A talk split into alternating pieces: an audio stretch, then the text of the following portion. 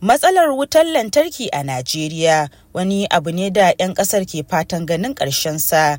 A jawabinsa na sabuwar shekara, shugaban ƙasa Bola Ahmad Tinubu ya sha alwashin magance matsalar wutar lantarki a ƙasar. Shugaba Tinubu ya ce za su iya ƙoƙarinsu domin ganin an hanzarta inganta wutar lantarki da duk ɗan ƙasa zai mora.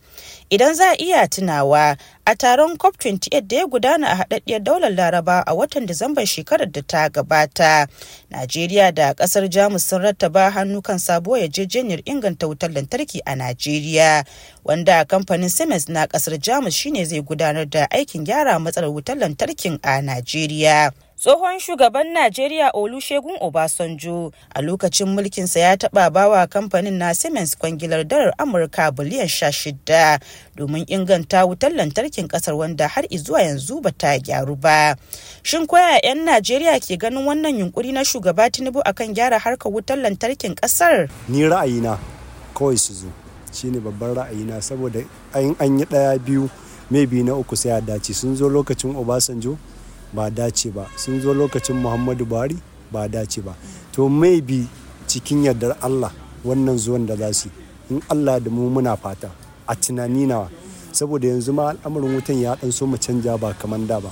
Wutar lantarkin najeriya abu ne mai mahimmanci a gyara ta. Saboda gyaran wutar lantarkin najeriya yana zai haifar da kananun masana'anta za ta ci gaba da kuma samar da ayyukan yi ga matasa.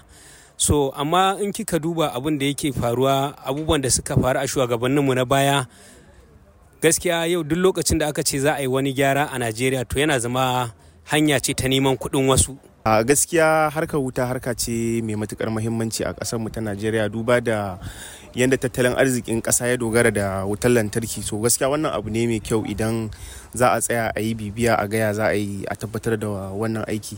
A hirarsa da muryan amurka rulwanu ladan manazarci kuma mai sharhi akan al'amuran yau da kullum ya ce bawa kamfanin siemens aiki abu ne mai kyau. Kamar yadda ake maganar gwamnatin asiwaji bola ahmed tinubu ta gayyato kamfanin siemens domin ba kamfanin siemens kwangilar ciyar da wutar najeriya gaba. Wannan ba sabon abu ba ne ba abin mamaki ba ne kuma kamfanin nan na siemens idan aka ba shi irin wannan aikin ba abin mamaki ba ne saboda sun yi ba ɗaya ba biyu ba a duniya kuma aikin su yana da kyau. Sai dai wani hanzari ba gudu ba. Irin wayannan abubuwa sun faru a gwamnatocin baya kuma duka matsalar bata wuce matsalar ciwon da shi ne ya riƙe hantar ƙasar nan ya hana ta ci gaba ma'ana cin hanci da rashawa wanda wasu shafaffu da mai a kowace gwamnati su ne za su bi ta baya su hana aikin ya yi kuma a ciye kuɗin. Fatar mu shine gwamnatin bola tinubu ta yi ƙoƙari ta tabbatar duk wanda yake da hannu cikin cin kuɗaɗen da suka gabata a hukunta shi a sa ido. Yanzu dai 'yan Najeriya na dakon ganin yadda gyaran wutar lantarkin zai kasance nan da watanni 24 kamar yadda shugaba Tinubu ya ci alwashi. Rukayya Basha, muryan Amurka daga Abuja a Najeriya.